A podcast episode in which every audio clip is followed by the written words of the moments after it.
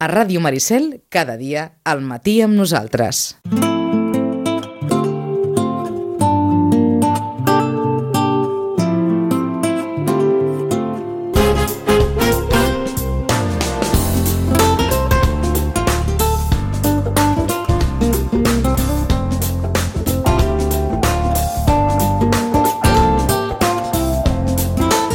Doncs 11 i 11 minuts. Eh, saludem a la Marta Sánchez.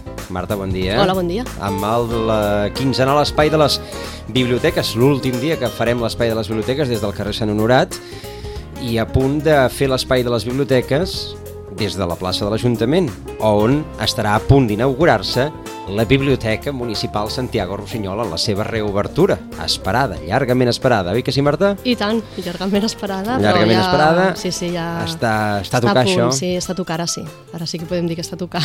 sí, Bueno, sí. Ho veurem, ho veurem en directe gairebé, perquè ho tindrem allò, traurem el cap per la finestra i la veurem perquè estarem just a sobre de la, de la Santiago Rossinyol.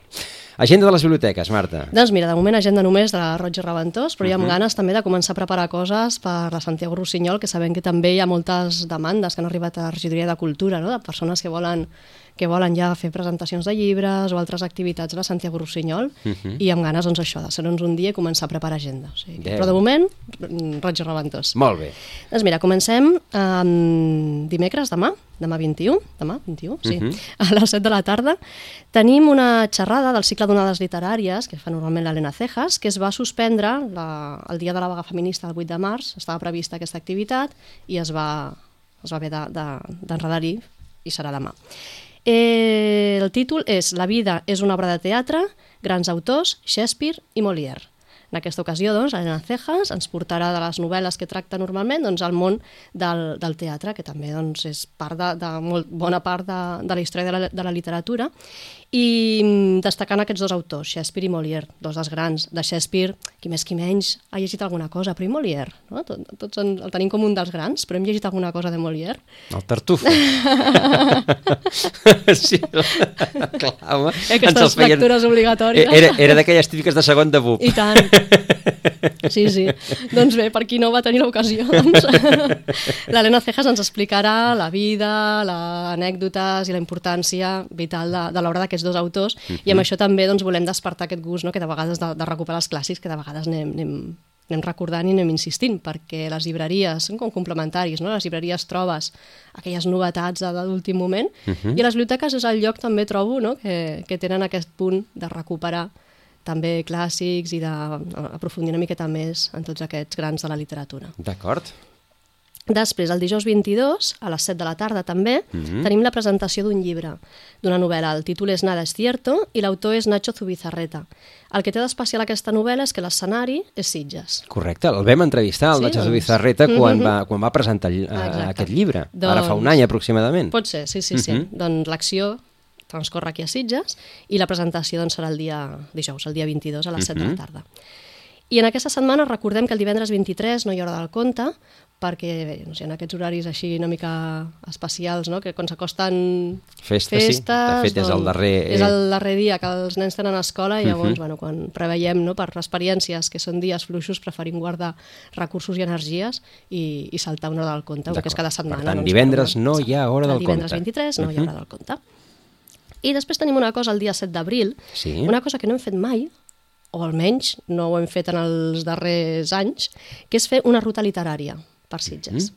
Helena Cejas, de nou, ens ha proposat aquesta idea, que ja teníem en ment des de feia temps i de seguida ens hi hem enganxat, i les biblioteques de Sitges doncs, sortirem al carrer per oferir una ruta literària per la vila el proper dissabte, dia 7 d'abril, a les 11 del matí. Tindrà una durada aproximada de dues hores i finalitzarà als Jardins del Prado, on allà doncs, bueno, tindrem ocasió de fer una, un canvi d'impressions no? sobre aquesta experiència. D'acord. L'objectiu d'aquesta activitat és conèixer les empremtes que la literatura ha deixat i deixa a la vila de Sitges. Són molt coneguts doncs, diferents Mhm. autors, poetes, en fi, que és una vila amb una personalitat literària molt forta i molt arrelada. Molts carrers que tenen noms no? de- d'autors, d'escriptors, escriptores, de poetes, d'artistes, i a més també ha sigut una vila molt d'acollida no? de, de gent això. D'artistes, no? i entre ells, atrets, doncs- bueno, doncs per la llum o per la màgia o per la Mhm. inspiració que, que té Sitges. Doncs bé, farem aquesta ruta, passant per diferents carrers, llegint diferents textos i donant a conèixer aquestes empremtes doncs, que, que podem veure en el dia a dia de diferents escriptors en el, en el nostre poble. D'acord. Uh -huh. Per participar en aquesta activitat hi ha d'haver una inscripció prèvia perquè les places seran limitades a un grup que sigui prou còmode per moure'ns i perquè tothom pugui escoltar i estar al tanto. I aquesta inscripció es pot fer pers personalment a la mateixa biblioteca Josep Roig i Reventós, per telèfon, o bé a través del correu electrònic, simplement doncs, dient doncs, vull inscriure'm per participar en aquesta ruta literària. El període d'inscripció començarà el dimecres, 21 de març, demà, Uh -huh. i quan s'acabi doncs, el, el cupo de persones que adequat, doncs es tancarà la inscripció. Per tant, interessats en fer una ruta literària per Sitges, demà comencen aquestes inscripcions uh -huh. I tindrà lloc aquesta iniciativa mmm, que si s'havia fet, s'havia fet fa molts anys, Sí. però ara darrerament, Sí, darrerament no. feia molt que no, sabia, eh, no es feia el proper 7 d'abril. Mm -hmm, exacte, uh -huh. és un dissabte a les, a les 11 del matí. A les 11 del les, matí. les persones que s'apuntin ja seran convenient informades, ho recordarem i ja donarem Correcte. instruccions. Uh -huh. I referent als horaris de Roig i Reventós durant Setmana Santa, només hem de dir que farem l'horari, es farà l'horari habitual de dilluns sí. a, a dimecres i es tancarà de dijous 29 fins a dilluns dia 2, que, que és festiu. D'acord. Mm? Per tant, el dijous sí que, dijous 29, estarà tancada. Mhm. La resta de dies, en horari habitual. Aquest és l'horari de, de Setmana Santa per la, a la Biblioteca Roig i. Ah, Exacte. Uh -huh. I com dèiem, que a la Santiago Rossinyol doncs, estem en marxa, doncs m'agradaria explicar-vos que el que estem fent ara, quan he sortit de la biblioteca, doncs les companyes ho estaven fent, i és ja eh, col·locar en unes vitrines, que són noves, que estaran a la sala Miquel Utrillo, tot el fons Miquel Utrillo, un donatiu, que fa anys no? que forma part de, de la col·lecció Santiago Rossinyol i és una, bé, són el, els llibres que tenia Miquel Utrillo, tant el pare, el fill, com diferents documents A, aquest, Sobre- aquest fons uh -huh. mm, eh, estava accessible però no, no, al, no directament al públic, Exacte, oi? era s'havia de demanar i ara també. Era, era el fons que estava a dalt de tot. A dalt de tot, a l'última uh -huh. sala, que, era, uh -huh. que és la sala Miquel Utrillo, uh -huh. i hi havia aquest fons juntament doncs, amb quadres, amb fotografies, no? Un material que forma part tot el conjunt d'aquest donatiu. Eh, ara sí que serà més visible, uh -huh. també estarà en vitrines tancades, per tant la, la consulta també serà sota demanda, igualment estarà exclòs de préstec, però sí que visiblement són unes vitrines en porta de vidre i com que aquesta sala ara sí que es podrà pujar lliurement, serà una sala més, un espai més de consulta de la biblioteca, on també trobarem llibres d'història o de política o la col·lecció local de Sitges, doncs per tant serà molt més visible. I ara és el que estem fent, doncs, col·locant aquests llibres i és una manera també de tocar la, la història de la biblioteca, no? perquè són documents doncs, més, més antics. Ara, ara que m'ho has dit, m'ha generat una, una pregunta a partir, a partir del que comentaves. La, la, la tria de a quina sala va cada temàtica, com, se, com es fa, com s'ha fet? Perquè, clar, eh, és diferent les, les eh, biblioteques modernes que són amples, diàfanes, on més o menys tot el- tot l'espai sobre, i aquí, en canvi, clar, eh, tenim unes escales que pugen fins a, fins a dalt de tot. Per tant, eh, probablement el lloc menys acce- accessible estaran els llibres de política, ves per on. Uh, com, com es fa aquesta Això tria? ha sigut un tetris, la veritat. Normalment ho és, eh? Mhm. Però clar, amb espais més diàfans doncs és un tetris més fàcil i aquí doncs, ha sigut més complicat perquè ja no és només perquè hi hagin diferents plantes, sinó que és que cada planta hi ha com diferents sales, diferents espais. Per això, mhm. I llavors, clar, queda tot com molt compartimentat i no es pot tallar les grans, els, blocs, els grans blocs de matèria, no? Si tenim, no sé, llibres de ciències, doncs no podem tenir eh, les matemàtiques en una sala i la física a la sala del costat, no tindria massa sentit. Per tant, tot això s'havia d'encaixar. Bé, ha costat, i quan al final d'encaixar tot, doncs et poses molt contenta, la veritat. Perquè... Bé, la qüestió és agafar, per una banda, tenim um, sobre plànol no, les prestatgeries. Cada mòdul de prestatgeria doncs, té una sèrie de prestatges i en, aquella, en aquells prestatges hi cap un número estàndard de documents. No? Contem uns 35 documents per prestatgeria perquè de bon principi no surti, no quedi molt, molt atapeït. Eh, per una banda, doncs, tenim la capacitat de la biblioteca. I per una altra banda, amb dades estadístiques, tenim el fons de la biblioteca dividit en les matèries doncs, ta, ho podem fer tan, tan al detall com es vulgui. No? Doncs, això dir doncs, ciències en general o després acotar quants de matemàtiques, quants de física, quants de mi- química. I tot això de casa. Per altra banda, hi ha la filosofia general, no? que bé, això en totes les biblioteques es fa, que els jocs d'entrada, els jocs més, més de, de, de primer accés, siguin els jocs més sorollosos, per dir d'alguna manera. I en canvi, a mesura que vas pujant o que vas no, entrant més a, a l'edifici, doncs el lloc sigui, l'espai sigui més tranquil, per tant, com crear diferents ambients. Conjugant tot això, doncs ha sortit una distribució que és diferent de la que hi havia fins ara, perquè hi ha diferents sales, ho hem dit moltes vegades, hi ha sales que han canviat d'espai, la sala infantil ja no està a la primera planta, estarà a baix, per tant, no, com aquesta zona així també més... Espai sorollós. Més, més sorollós, eh? Però més sorollós o més de moviment, o, no? Per tant, a la primera planta sí que hi haurà això, diaris i revistes, i alguns dels centres d'interès, que pensem que també és de consulta molt ràpida o de préstec molt ràpid. Per exemple, les guies de viatge, que per seguint la classificació de les biblioteques haurien d'estar en aquesta ta- segona planta, junt amb els llibres de geografia, però entenem que la guia de viatge és una altra història, no? que és com una cosa molt més immediata, una necessitat molt, molt més propera, i per això hem decidit doncs, de baixar-ho a, la, a la planta baixa, no? doncs, o les biografies, per exemple, també haurien d'estar a dalt, doncs no, les tindrem a baix, jugar una miqueta amb aquests aspectes. A la primera planta tindríem tota la zona de ficció, novel·la, novel·la juvenil, poesia, narrativa, teatre, relacionat amb això els llibres per aprendre llengües, relacionat amb això els llibres de literatura, i també hi haurà els llibres de ciències, i en una sala, que serà un espai nou, hi haurà els llibres d'art. I aquesta sala mm, li trobo molt d'encant, la veritat. És, eh, ens ha agradat de posar ja precisament els llibres d'art perquè tot plegat doncs, acompanya i jo crec que serà un espai molt, molt apreciat, penso.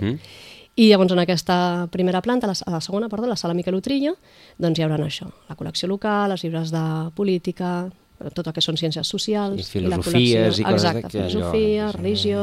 Silenci. Aniríem una miqueta així, com de, de, de més a menys, o de D'acord, no, menys no, a ho has, ho has contestat perfectament, és a dir, s'entén perfectament aquesta, aquesta idea del, del lloc on amb més moviment, doncs, probablement ha d'estar més accessible a l'entrada, i el lloc que necessita més pausa, més calma, doncs és el que està més allunyat. Sí. També ens ha agradat això del que a la primera planta doncs, tenir la novel·la, o tenir la música, o el cinema, que també és una cosa que porta molta gent, però obligues també a pujar, no? que no tothom es quedi a la planta baixa, doncs també és una manera de dins així veig altres espais.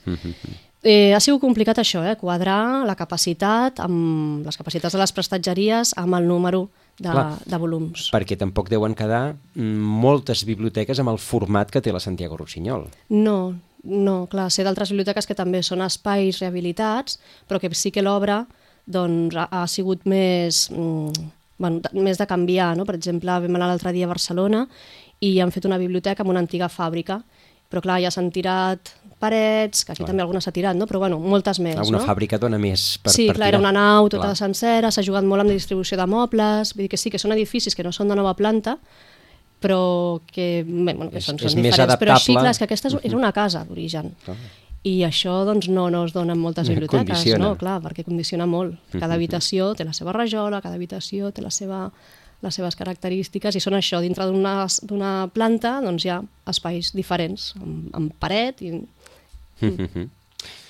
Què més teníem? Perquè aquí I- hem, hem, hem tallat el que ens Cap estava problema, explicant la Marta. Fa il·lusió explicar tot això. doncs he portat unes novetats, Sí? agafades al prestatge de la Biblioteca Santiago I- Rossinyol. Oh.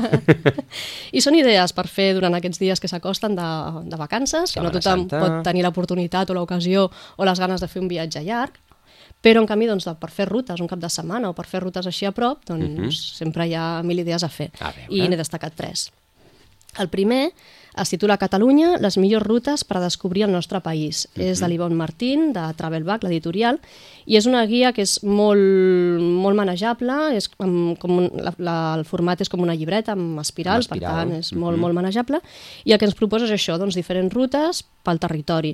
De cada una d'aquestes rutes hi ha a quina comarca pertany, a quina distància es troba, la dificultat, el temps de la ruta i el desnivell. Són rutes a peu o amb... De fet, hi ha molta cosa a peu, sí. D'acord. Sí, Mhm. sí, sí. Llavors, eh, hi ha un mapa amb tots els símbols per anar seguint i que ningú es perdi i finalment, doncs, pas a pas, no? quins són els punts on val la pena aturar-se, mirar, senyalitzant doncs, els quilòmetres i diferents curiositats a diferents llocs. una clàssica guia Exacte. doncs, per descobrir Catalunya, que, és, que és allò que es pot fer per Setmana Santa. Si, si vostès no marxen, doncs bé, ten, ten, tenim moltes coses a, a, a mà. El segon que he portat es titula Explora Catalunya, l'autora és Cori Calero i el pròleg és de Tomàs Molina. Aquest llibre està inspirat, o bé, és, és, està tret, vaja, del programa Espai Terra, Sí. on també doncs, ensenyava moltes rutes, no? doncs, a, a part d'aquest programa que es pot recuperar, doncs tenim aquest llibre editat. També hi ha, un, hi ha molts textos, hi ha moltes fotografies i mm, bé, doncs també són diferents propostes per, per fer rutes i anar coneixent territori. Les fotografies, doncs, totes valen molt la pena i donen ganes Mhm. de- d'anar a descobrir els llocs on encara no hem estat. Tots ells valen la pena i són imprescindibles, vaja. Eh, l'espai terra, doncs, com fèiem, anàvem per tot arreu, Mhm. doncs eh, podien fer aquestes, eh, aquestes imatges i aquests Exacte. tastets del, del territori. Exacte, cada capítol hi ha un codi QR també Mhm. i es pot accedir als reportatges. D'acord, que es van fer en l'indret in situ. Exacte. Molt I bé. el tercer és un llibre de més gran format, aquest Mhm. ja no és tan portable durant la ruta, però sí que val la pena destacar-lo doncs, això, no? a l'hora de, de la preparació. I si no, doncs, simplement per mirar les fotografies. Eh, es diu Catalunya, 50 racons emblemàtics, Mhm. i l'autor és Jordi Bastard. El Jordi Bastard ha escrit un munt de guies d'aquest tipus, de diferents jocs de Catalunya, per tant és un gran coneixedor del territori. Aquí el que trobem són fotografies amb un format molt més gran i també doncs, va dient a cada lloc que és allò que més destaca, no? les dades més pràctiques, diguéssim, com s'hi arriba, la informació més, més primordial, quines activitats podem fer, i llavors una descripció d'aquest espai, i després hi ha un no t'ho perdis. I en aquell lloc, en aquella ruta, doncs ben bé el que no ens hem de perdre i el que, i el que és més destacable. Mhm. Continuen sortint molt les, eh, les guies, Sí. eh, tenint en compte que, que clar, cada cop aquesta informació és més accessible per internet també i per tant doncs, eh, la gent que està buscant fins i tot informació més actualitzada, clar, les guies tenen un problema que és que la, la informació es va desactualitzant. Sí. A la biblioteca sí que mirem que, que sigui una col·lecció actual. Llavors, guies de més de 5 anys les retirem, que 5 anys també pot ser massa, però bueno, en tot cas tampoc no tenim, uh, no, no podem actualitzar-ho així amb més rapidesa. Però sí que, que hi tenim cura i, de fet, hi ha específicament durant l'any tries, o sigui, ens passen llistes només de guies de viatge per poder actualitzar, omplir buits, no? forats que puguem tenir de diferents llocs, vull dir que, que ho cuidem, tampoc no és que sigui una, una col·lecció que estigui anys i anys, És a dir, perquè- qui, vulgui, qui, qui vagi a buscar una guia a la biblioteca sa, pot saber o pot tenir una Mhm. certa garantia de que allò Sí. que trobarà Mhm. doncs, és actual, És, és, actual. Evidentment, a internet es troba molt més... eh, En fi, Molta informació molta també. informació, Mhm. però sí que segueixen sortint molt en préstec i que és un, un fons molt demanat. Això també és veritat. Tant per la preparació, la, la seguretat de tenir allò en, en llibre i no, que et dona la garantia de que l'autor no? o, o l'editorial, editorials que són molt potents en guies de viatge i que són garantia de que el que t'estan dient és informació veraç i contrastadíssima. No? I de vegades per internet doncs, també podem tenir aquest dubte de veure a quina web anem a parar. No sé, que siguis que coneguis i que en sàpigues, no? però sí que jo crec que són complementaris i que el que pot oferir internet, que el llibre no ofereix, és el tipus doncs, de, de comentaris d'altres d'altres persones que hi han anat, no? el Els- testimoni... els feedbacks aquests. Exacte, que això també ens serveix molt i ens en refiem moltíssim. No? Quan veiem no sé, d'un hotel comentaris bons, doncs ja anem més refiats. Clar, en el llibre això no ho trobem, però en canvi sí que crec que són fonts d'informació bastant complementàries. D'acord. Mm. Doncs propostes de guies, en aquest cas, Setmana Santa, guies per Catalunya, a voltar pel país, eh, com de, de guies per tot arreu, eh, que, que proposa la biblioteca. Tenim alguna coseta més? Doncs res més. Res més? Doncs ho deixem aquí i ens retrobarem d'aquí a gairebé un mes, gairebé vigílies de Sant Jordi, mm -hmm. oi? Uh, molt més a prop. Sí, sí, molt sí, més sí, a prop. molt I més a estarem, prop. estarem molt més a prop físicament i molt més a prop de la reobertura de la Santiago Rossinyol. Marta, moltíssimes gràcies. A vosaltres, gràcies. I, doncs això, fins aquí un mes. Sí, gràcies.